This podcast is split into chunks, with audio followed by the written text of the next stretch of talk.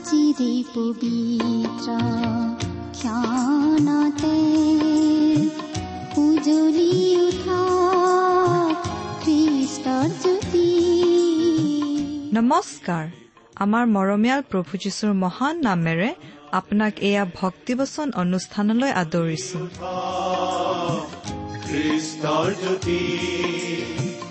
আকাশ বতাহ মুখৰিত কৰি গাঁও হাৱে মিলি প্ৰশংসা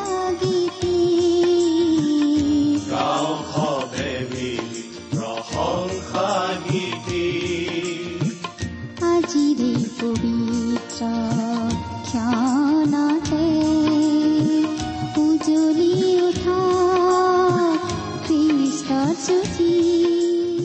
ঈশ্বৰে আপোনাক যি অসীম প্ৰেম কৰিলে তাক যদি অনুভৱ কৰিব বিচাৰে আৰু তেওঁৰ অগম্য বাক্যৰ মৌ মিঠা সোৱাদ ল'ব বিচাৰে তেন্তে আহক আজিৰ ভক্তিবচন অনুষ্ঠানটো মনোযোগেৰে শুনো। এয়া আপোনালৈ আগবঢ়াইছো ঈশ্বৰৰ জীৱন্ত বাক্যৰ অনুষ্ঠান ভক্তিবচন। আমাৰ পৰম পবিত্ৰ প্ৰভু যীশুখ্ৰীষ্টৰ নামত নমস্কাৰ প্ৰিয় শ্ৰোতা। এই ভক্তিবচন অনুষ্ঠানৰ জৰিয়তে পুনৰ আপোনালোকক লগ পাই অতিশয় আনন্দিত হৈছো। আপুনি যে দহু বন কাটি কৰি ৰেডিঅ'টো পকাই আমাৰ এই অনুষ্ঠান শুনিবলৈ আগ্ৰহ দেখুৱালে। তাৰ দ্বাৰা আচলতে কি প্ৰমাণ হ'ল জানেনে প্ৰিয় শ্ৰোতা? তাৰ দ্বাৰা এই কথাটো প্ৰমাণ হ'ল যে আপুনি ঈশ্বৰৰ বাক্য শুনি ভাল পায়। ঈশ্বৰৰ প্ৰতি আপোনাৰ শ্ৰদ্ধা ভক্তি আছে। আমাৰ এই অনুষ্ঠানৰ যোগেৰে আমি কেৱল ঈশ্বৰৰ মহান বাক্য বাইবেল শাস্ত্ৰৰ কথাই প্ৰচাৰ কৰোঁ। আমাৰ শ্ৰোতাসকলৰ মংগলৰ কাৰণে। এই ভক্তিবচন অনুষ্ঠান শুনি বহুতো লোকে লাভৱান হোৱা বুলি আমালৈ চিঠি লিখিও জনায়। আৰু তেনেকুৱা চিঠি পালে আমাৰ আনন্দ উঠলি উঠে। আমি দুগুণ উৎসাহেৰে কাম কৰি যোৱাৰ প্ৰেৰণা পাওঁ। আমাৰ এই বিনম্ৰ প্ৰচেষ্টা অলপ হ'লেও সফল হোৱা বুলি আমি তেতিয়া ভাবিব পৰা হওঁ। প্ৰিয় শ্ৰোতা আপুনি বাৰু এই অনুষ্ঠান শুনি কেনে পাইছে? আমালৈ চিঠি লিখি জনাবচোন। আমাৰ ঠিকনাটো আপোনাৰ বোধ কৰোঁ মনত আছে। তথাপি আকৌ এবাৰ কৈ দিছোঁ। ভক্তিবচন টি ডব্লিউ আৰ ইণ্ডিয়া ডাক বাকচ নম্বৰ সাত শূন্য গুৱাহাটী সাত আঠ এক শূন্য শূন্য এক। ভক্তিবচন T W R India post box number seventy Guwahati seven eight one zero' zero' one. আমাৰ website W W W dot radio' eight eight two dot com আপুনি বাৰু আমাৰ এই ভক্তিবচন অনুষ্ঠান নিয়মিতভাৱে শুনি আছেনে? যদি শুনি আছে তেনেহ'লে আমি যোৱা অনুষ্ঠানত কি অধ্যয়ন কৰিছিলোঁ আপোনাৰ নিশ্চয় মনত আছে? কিন্তু মূল কথালৈ অহাৰ আগতে এটা কথা আমি কৈ ল'ব খুজিছোঁ। আমাৰ এই অনুষ্ঠানটো হৈছে বাইবেল অধ্যয়নৰ অনুষ্ঠান। অধ্যয়নৰ অনুষ্ঠান। অধ্যয়ন কৰা বুলি কওঁতে হাতত কাগজ কলম লৈ কিতাপ মেলি লৈ পঢ়া। এনেকুৱা এটা ধাৰণা আমাৰ মনলৈ আহে। সেইকাৰণেই আমি আশা কৰোঁ আমাৰ এই অনুষ্ঠান শুনিবৰ সময়তো আমাৰ শ্ৰোতাসকলে যেন বাইবেলখন লগত মেলি লয় আৰু লগতে কাগজ কলমো যাতে লৈ লয়। অনুষ্ঠান শুনি থাকোঁতে কিবা কথা মনত খেলালে লিখি থৈ দিয়াটো ভাল। মনত কিবা প্ৰশ্ন উঠিলে লিখি থৈ দিয়া উচিত। নহ'লে পাছত পাহৰি যাবও পাৰে। এনেদৰে লিখি থ'লে পাছত কাৰোবাক সুধি ল'ব পৰা যায়। নহ'লে আমালৈও লিখিব পাৰে। আমি আমাৰ সাধ্যানুসাৰে আপোনালোকৰ প্ৰশ্নৰ উত্তৰ দিবলৈ চেষ্টা কৰিম। আমালৈ লিখিবৰ সময়ত কেৱল নিজৰ নাম আৰু ঠিকনা স্পষ্টকৈ লিখিবলৈ যেন নাপাহৰে। বাৰু এতিয়া আমি মূল কথালৈ আহিছোঁ। যদিহে আপুনি আমাৰ আগৰ অনুষ্ঠানটো শুনিছিল তেন্তে আপোনাৰ নিশ্চয় মনত আছে যে যোৱা অনুষ্ঠানত আমি বাইবেলৰ এখন পুস্তকৰ অধ্যয়নৰ সামৰণি মাৰিছিলোঁ। গতিকে আজিৰ অনুষ্ঠানত আমি বাইবেলৰ আন এখন পুস্তকৰ অধ্যয়ন আৰম্ভ কৰিব খুজিছোঁ আৰু সেই পুস্তকখন হৈছে বাইবেলৰ নতুন নিয়ম খণ্ডৰ জোহনৰ তৃতীয় পত্ৰ। চমুকৈ আমি কম তৃতীয় জোহন বুলি। নতুন নিয়মত জোহনৰ দ্বিতীয় পত্ৰৰ পাছতেই এই তৃতীয় জোহন পুস্তকখন আছে। আহকচোন আজিৰ অধ্যয়ন আৰম্ভ কৰাৰ আগতে পৰম পিতা পৰমেশ্বৰৰ ওচৰত প্ৰাৰ্থনা জনাওঁ হওক। হে আমাৰ স্বৰ্গত থকা সৰ্বশক্তিমান সৰ্বব্যাপী সৰ্বজ্ঞানী পিতৃ ঈশ্বৰ তোমাৰ মহান নামৰ ধন্যবাদ কৰোঁ। তুমি মৰমীয়াল দয়ালু কৰোণাময় ঈশ্বৰ। তুমি ন্যায়বান ঈশ্বৰ। তোমাৰ তুলনাত আমি অতি নগণ্য ঘীনলগীয়া পাপী মানুহ মাত্ৰ। তথাপি তুমি আমাক প্ৰেম কৰিলা। আমাক উদ্ধাৰ কৰিবলৈ নিজ পুত্ৰ যীশুখ্ৰীষ্টকেই আমালৈ দান কৰিলা। আজি প্ৰভু যীশুক গ্ৰহণ কৰি আমি তোমাক পিতৃ বুলি মাতিব পৰা হৈছো। তাৰ বাবে তোমাক অশেষ ধন্যবাদ পিতা। প্ৰভু এই ৰাতিপুৱা বেলিকা তোমাৰ বিশেষ আশীৰ্বাদ বিচাৰিছোঁ। তোমাৰ বাক্য বুজিবলৈ আমাক সহায় কৰা। তুমিয়েই আমাক শিকোৱা। তুমিয়েই আমাক কথা কোৱা। আমি নিমিত্ত মাত্ৰ। আমাৰ এই অনুষ্ঠান শুনি থকা প্ৰতিজন শ্ৰোতাক তুমি আশীৰ্বাদ কৰা। তেওঁলোকৰ জাগতিক দিশতো তোমাৰ আশীৰ্বাদ প্ৰকাশ পাবলৈ দিয়া। আত্মিক জীৱনতো তোমাৰ বিশেষ আশীৰ্বাদ কাৰ্যকৰী কৰা। কিয়নো এই প্ৰাৰ্থনা আমাৰ হকে ক্ৰুচত প্ৰাণ দি তৃতীয় দিনা পুনৰ জি উঠা মৃত্যুঞ্জয়ী প্ৰভু যীশুখ্ৰীষ্টৰ নামত অৰ্পণ কৰিলো। আহমেন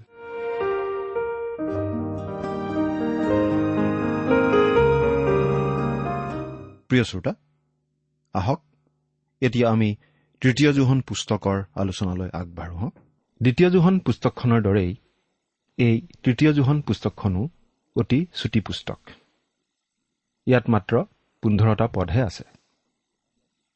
কিন্তু চুটি পুস্তক হলেও এই পুস্তকখনো আমি গুৰুত্ব সহকাৰে অধ্যয়ন কৰা উচিত। কাৰণ এই পুস্তকখনো ঈশ্বৰে বাইবেলত ৰাখিছে। এয়াও ঈশ্বৰৰ বাক্য। আমি নকলেও বুজি পাইছো যে এই পত্ৰখনৰ লিখক পাচনি জোহন। আমি আগতেও উল্লেখ কৰি আহিছো যে এজন বিখ্যাত পণ্ডিতে জোহনে লিখা পত্ৰ তিনিখনক অলপ ৰসিকতা কৰি তিনিটা নাম দিছিল। আপোনাৰ বোধকৰো মনত আছে? তেওঁ এই পত্ৰ তিনিখনক এচকুৱা জোহন দুচকুৱা জোহন আৰু তিনিচকুৱা জোহন এইবুলি কৈছিল। জোহনে লিখা পত্ৰ তিনিখনক এনেদৰে মনত ৰাখিবলৈ সহজভাৱেই আমিও তেনেদৰেই ক'ব খুজিছোঁ। গতিকে এই তৃতীয় জোহন পত্ৰখনক আমি কওঁ তিনিচকুৱা জোহন বুলি। বহুতো বাইবেল পণ্ডিতে এই মত পোষণ কৰে যে পাচনি জোহনে তেওঁ লিখা পত্ৰ তিনিখন একেবাৰে শেষত লিখিছিল। প্ৰথমতে লিখিছিল জোহনে লিখা শুভবাৰ্তাখন। তাৰ পাছত লিখিছিল জোহনৰ প্ৰতি প্ৰকাশিত বাক্য। আৰু তাৰ পাছতহে এই পত্ৰ তিনিখন তেওঁ লিখিছিল। এই কথাটো অৱশ্যে সকলোৱে মানি নললেও আমি এইটো কথাই সঁচা বুলি মানি লোৱাৰ অধিক যুক্তি আছে। যদি সেইটোৱেই হয় তেনেহ'লে এই পত্ৰ তিনিখন জোহনে লিখিছিল প্ৰথম শতিকাৰ সামৰণিৰ ফালে আনুমানিক নব্বৈৰ পৰা এশ চনমানৰ ভিতৰত। কিন্তু সঠিক চন তাৰিখ আমি ক'ব নোৱাৰিম।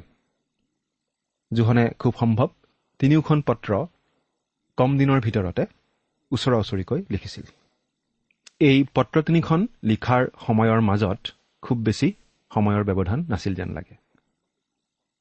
জোহনে লিখা প্ৰথম পত্ৰখনত তেওঁ এই কথাটোত বিশেষ জোৰ দিছে যে ঈশ্বৰৰ পৰিয়াল অৰ্থাৎ খ্ৰীষ্টীয় বিশ্বাসীসকল পৰস্পৰৰ মাজত থকা প্ৰেমৰ দ্বাৰা একত্ৰিত হৈ থাকে। কাৰণ খ্ৰীষ্টীয় বিশ্বাসীসকলে পৰস্পৰক প্ৰেম কৰা উচিত বুলি তেওঁ জোৰ দি কৈছে। তেওঁ এই কথা স্পষ্ট কৰি দিছে যে ঈশ্বৰৰ সন্তানে ঈশ্বৰৰ আন সন্তানক প্ৰেম কৰিবই। যদিহে কোনোবাই আন খ্ৰীষ্টীয় বিশ্বাসীক প্ৰেম নকৰে তেনেহ'লে তেওঁ প্ৰকৃত খ্ৰীষ্টীয় বিশ্বাসী নহয়েই বুলি জোহনে কৈছে। পৰিয়ালৰ লোকৰ প্ৰতি আমাৰ অন্তৰত প্ৰেম থাকে। সেইটো স্বাভাৱিক কথা।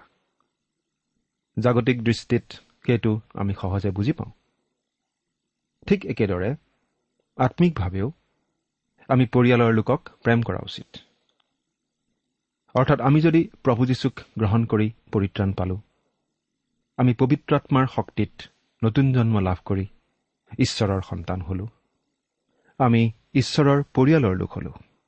গতিকে ঈশ্বৰৰ পৰিয়ালৰ আন লোক অৰ্থাৎ আন খ্ৰীষ্টীয় বিশ্বাসীসকলৰ প্ৰতি আমাৰ অন্তৰত প্ৰেম থকাটো স্বাভাৱিক।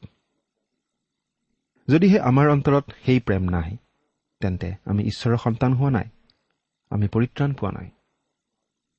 অৰ্থাৎ প্ৰথম জোহন পুস্তকখনৰ মূল বিষয় আছিল প্ৰেম আৰু সহভাগিতা। জোহনৰ দ্বিতীয় পত্ৰখনত আমি এটা ভয়ংকৰ সাৱধানবাণী পাওঁ। জোহনে আমাক এই বুলি সাৱধান কৰি দিছে যে জগতত বহুতো অবিশ্বাসী প্ৰবঞ্চক ভুৱা শিক্ষক আৰু খ্ৰীষ্টাৰী সোমাই পৰিল। তেওঁ আমাক এই বুলি সুকীয়াই দিছে যে ঈশ্বৰৰ সন্তানসকলে এনেকুৱা লোকবিলাকৰ পৰা সাৱধানে থাকিব লাগে। এনেকুৱা লোকৰ প্ৰতি প্ৰেম প্ৰদৰ্শন কৰিব নালাগে। তেনেকুৱা লোকৰ কাৰণে আমি আমাৰ ঘৰৰ দুৱাৰ মুকলি কৰি দিব নালাগে। তেনেকুৱা লোকক আশ্ৰয় দিব নালাগে। তেনেকুৱা লোকক আলহী সুধিব নালাগে। খ্ৰীষ্টীয় বিশ্বাসীসকলে অতি সাৱধানে নিজৰ হিচাপ ৰাখিব লাগে। যাতে কেনেকুৱা লোকক আলহী সোধে কেনেকুৱা লোকক সহায় কৰে সেইবোৰ জানি বুজিহে কৰে।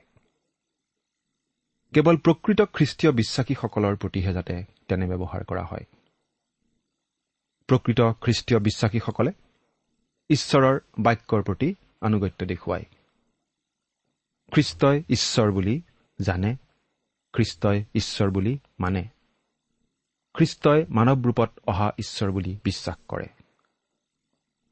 এনেকুৱা লোককহে আমি সহায় কৰা উচিত আলহীকৈ ৰখা উচিত। পাচনি জোহনে আমাক ইতিমধ্যেই কৈ থৈছে যে খ্ৰীষ্টই বাক্য আৰু সেই বাক্যই স্বয়ং ঈশ্বৰ। গতিকে যীশুখ্ৰীষ্ট হৈছে মাংস ৰূপত অহা ঈশ্বৰৰ বাক্য।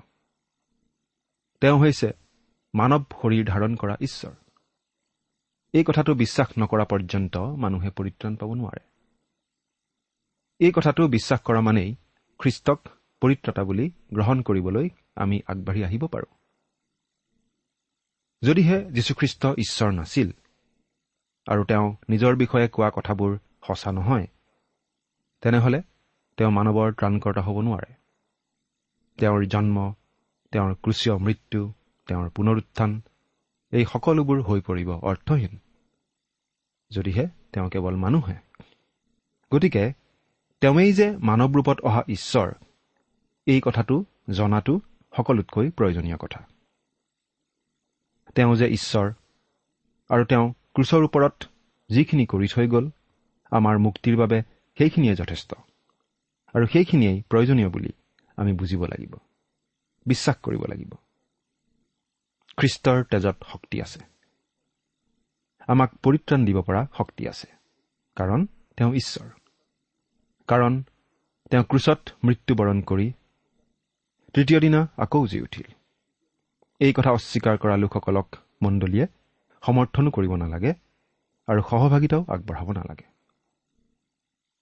পাচনি জোহনে তেওঁ লিখা দ্বিতীয়খন পত্ৰত আনকি এনেকৈও কৈছে যে এনেকুৱা লোকক আমি আনকি অভিবাদনো জনাব নালাগে মংগলবাদ জনাব নালাগে। তেওঁ কৈছে এনেকুৱা লোকক সহায় কৰিব নালাগে। কোনো ধৰণৰ সহায়ৰ হাত আগবঢ়াব নালাগে। যদিহে আমি এনেকুৱা ভুৱা বিশ্বাসী ভুৱা শিক্ষক ভুৱা প্ৰচাৰক প্ৰবঞ্চক আদিক সহায় কৰোঁ তেতিয়া আমি তেনেকুৱা লোকৰ সহকৰ্মী হোৱাৰ নিচিনা হ'ব। যদিহে আমি সহায় কৰোঁ বা সহভাগিতা ৰাখোঁ তেতিয়াহ'লে আমিও তেনেলোকৰ সহকৰ্মী হোৱাৰ নিচিনা হয় আৰু তেনেলোকৰ কামত বা বিশ্বাসত আমাৰ ভাগ থকাৰ নিচিনাই হয়। গতিকে আমি খ্ৰীষ্টীয় বিশ্বাসীসকলে কেনেকুৱা লোক বা কেনেকুৱা সংগঠনৰ প্ৰতি সহায়ৰ হাত আগবঢ়াওঁ সেই বিষয়ে সাৱধান হ'ব লাগে। এতিয়া আমি জোহনে লিখা তৃতীয় পত্ৰখন পঢ়িলে দেখা পাম যে এই পত্ৰখনৰ কিছু সাদৃশ্য আছে জোহনে লিখা দ্বিতীয় পত্ৰখনৰ লগত। এই পত্ৰখনো এখন ব্যক্তিগত পত্ৰৰ নিচিনা।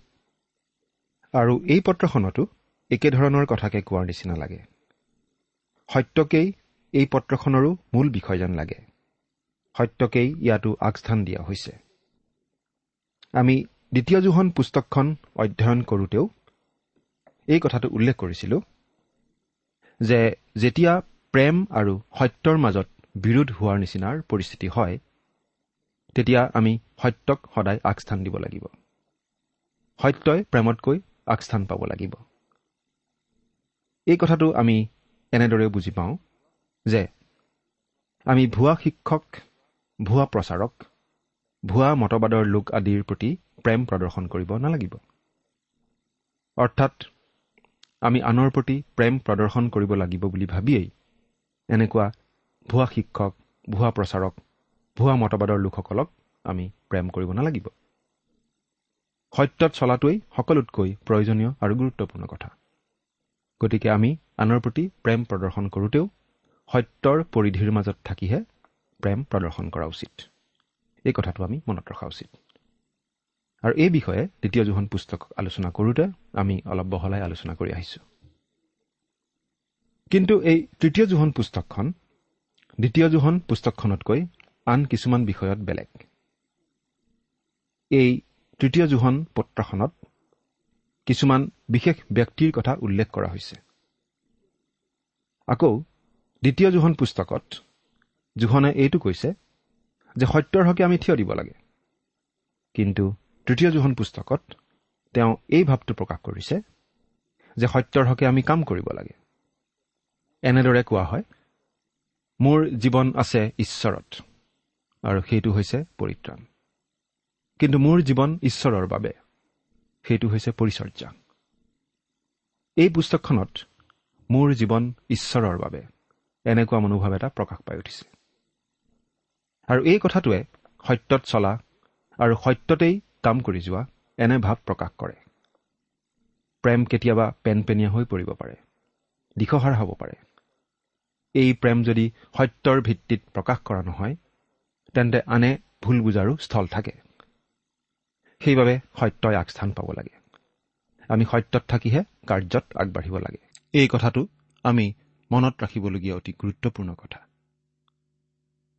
প্ৰিয় শ্ৰোতা জোহনৰ তৃতীয় পত্ৰ নামৰ এই চুটি পুস্তকখনক আমি তিনিটা ভাগত ভগাব পাৰোঁ।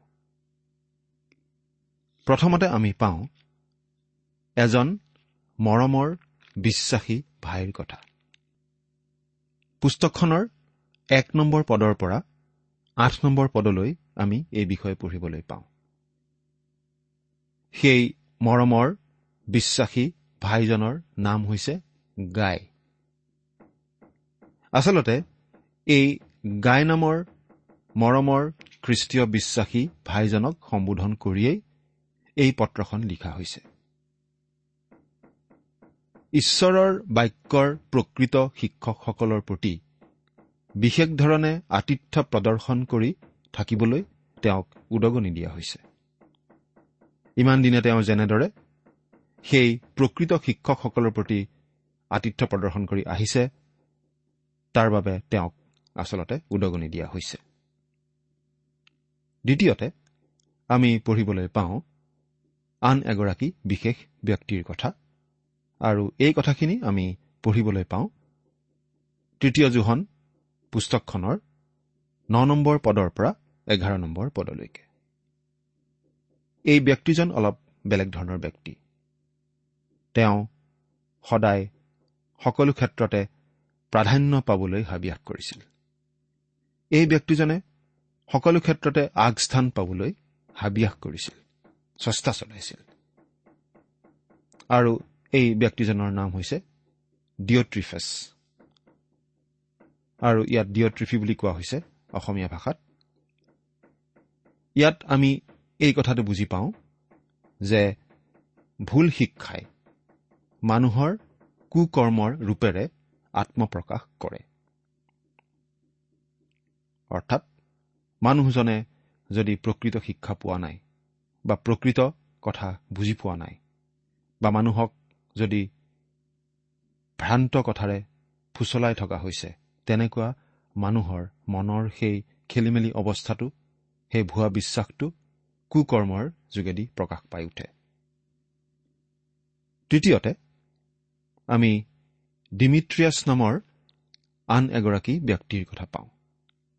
আৰু সেই ব্যক্তিজনৰ বিষয়ে আমি পঢ়িবলৈ পাওঁ। তৃতীয় জোহন পুস্তকখনৰ শেষৰ পদকেইটাত। আৰু শুদ্ধ শিক্ষাই যে মানুহৰ সৎ জীৱনৰ ৰূপত প্ৰকাশ পাই উঠে সেই কথাটো আমি ইয়াতে বুজি পাওঁ। অৰ্থাৎ কোনো এজন মানুহৰ জীৱনত যদি সৎকৰ্ম প্ৰকাশ পাই উঠিব পাৰিছে তাৰ দ্বাৰা আমি বুজি পাব পাৰোঁ যে সেই মানুহজনে শুদ্ধ শিক্ষাই লাভ কৰিছে। শেষত আমি এই যি ডিমিত্ৰিয় নামৰ ব্যক্তিজনৰ কথা পাওঁ এই ব্যক্তিজন এজন ভাল ব্যক্তি আছিল। এজন লোকে এবাৰ এটা শিক্ষা দিছিল। বাইবেলৰ কেইজনমান ব্যক্তিৰ আলমত তেওঁ সেই শিক্ষা সেই উপদেশ দাঙি ধৰিছিল। তেওঁৰ সেই বক্তৃতাৰ শীৰ্ষক আছিল আপুনি তেওঁলোকক বিজ্ঞাপনৰ পাতত পাব। তেওঁ তিনিজন ব্যক্তিৰ বিষয়ে কৈছিল। ডিঅট্ৰিফাছ ডিমিট্ৰিয়াছ আৰু ডেমাছ।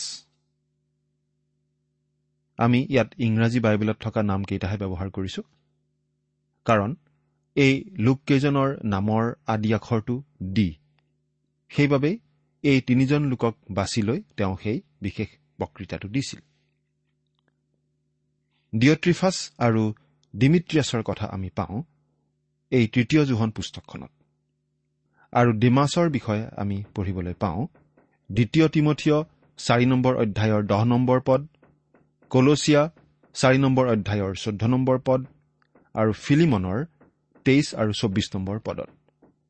পদকেইটা আকৌ কৈ দিছো আপুনি অনুগ্ৰহ কৰি মন দি শুনিব লিখি থবও পাৰে।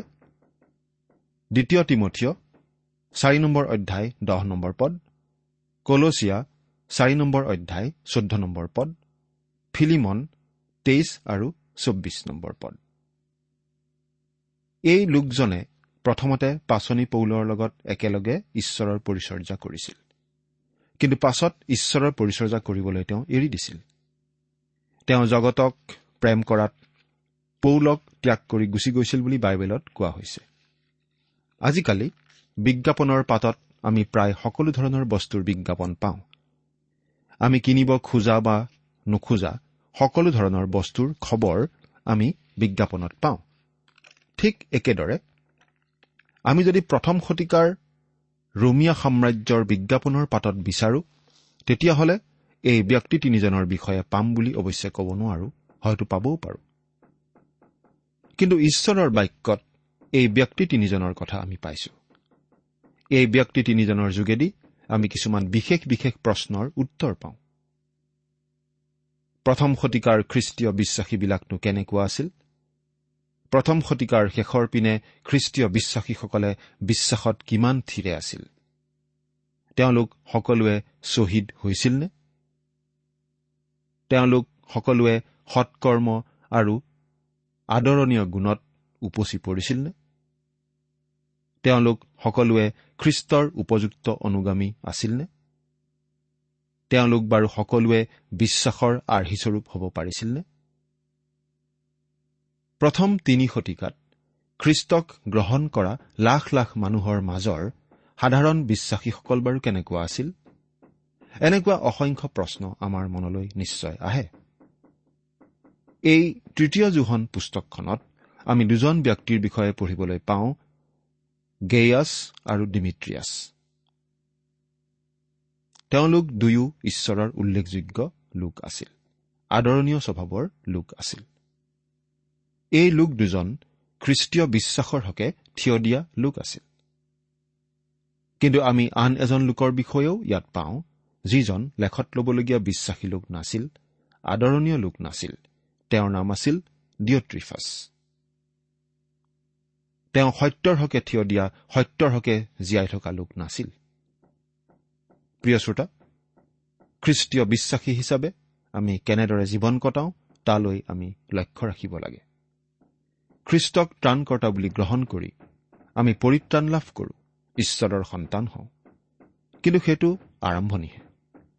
খ্ৰীষ্টীয় বিশ্বাসী হিচাপে এই পৃথিৱীত আমি কেনেদৰে জীৱন কটাওঁ সেইটোহে গুৰুত্বপূৰ্ণ কথা। আমাক কোৱা হৈছে আমি যাতে বিশ্বাসত থিৰে থাকি সত্যত থাকি আদৰ্শ খ্ৰীষ্টীয় জীৱন যাপন কৰোঁ। আপুনি বাৰু কেনেদৰে জীৱন যাপন কৰি আছে? ঈশ্বৰে আপোনাক আশীৰ্বাদ কৰক। আহমেদ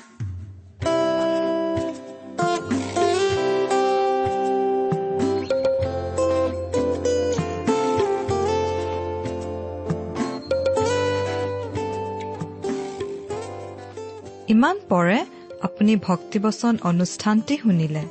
এই বিষয়ে আপোনাৰ মতামত জানিবলৈ পালে আমি নথৈ আনন্দিত হ'ম আমি প্ৰস্তুত কৰা বাইবেল অধ্যয়নৰ আন চিডিসমূহ পাব বিচাৰিলেও আমালৈ লিখক। অনুষ্ঠানটি শুনি কেনে পালে আমালৈ চিঠি লিখি জনাবচোন? অনুষ্ঠানত প্ৰচাৰ কৰা কোনো কথা বুজিব লগা থাকিলেও আমালৈ লিখক। আমাৰ ঠিকনা? ভক্তিবচন ট্ৰান্স ৱৰ্ল্ড ৰেডিঅ' ইণ্ডিয়া ডাক বাকচ নম্বৰ সাত শূন্য গুৱাহাটী সাত আঠ এক শূন্য শূন্য এক।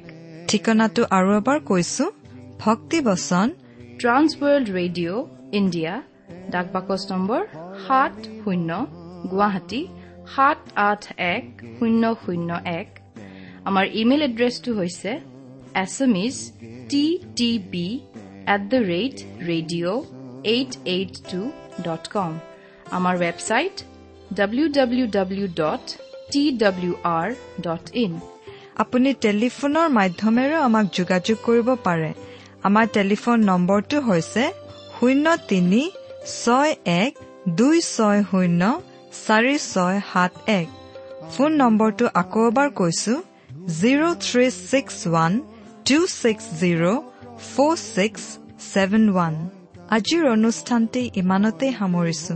ঈশ্বৰৰ শান্তি আৰু অনুগ্ৰহ আপোনাৰ লগত থাকক। ধন্যবাদ। খোজে ছায়া বিপদ তথাপিতো কৰি যাম মৰণ তথাপি কৰি যাম মৰণ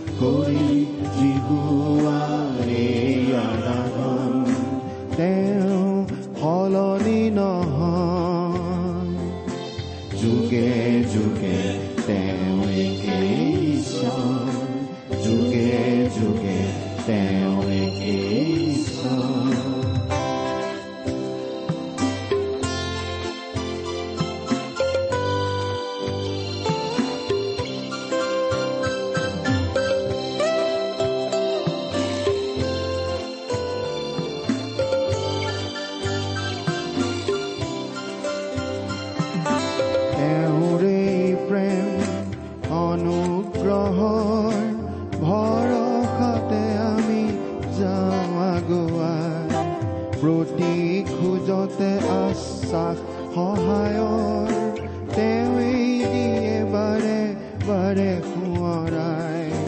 সেয়েহে আমি গোটেই জীৱন সেয়েহে